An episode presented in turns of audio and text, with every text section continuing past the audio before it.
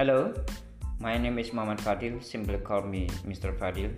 I'm an English teacher at University of Jember, Indonesia. I'm very happy to have this first recording through this application. This is, I think, uh, going to be a very good way uh, to spread over my voice notes and recording, of course, for my teaching and communicating with uh, people throughout the world.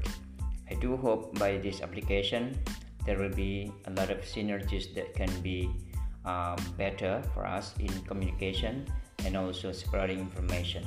Thank you very much.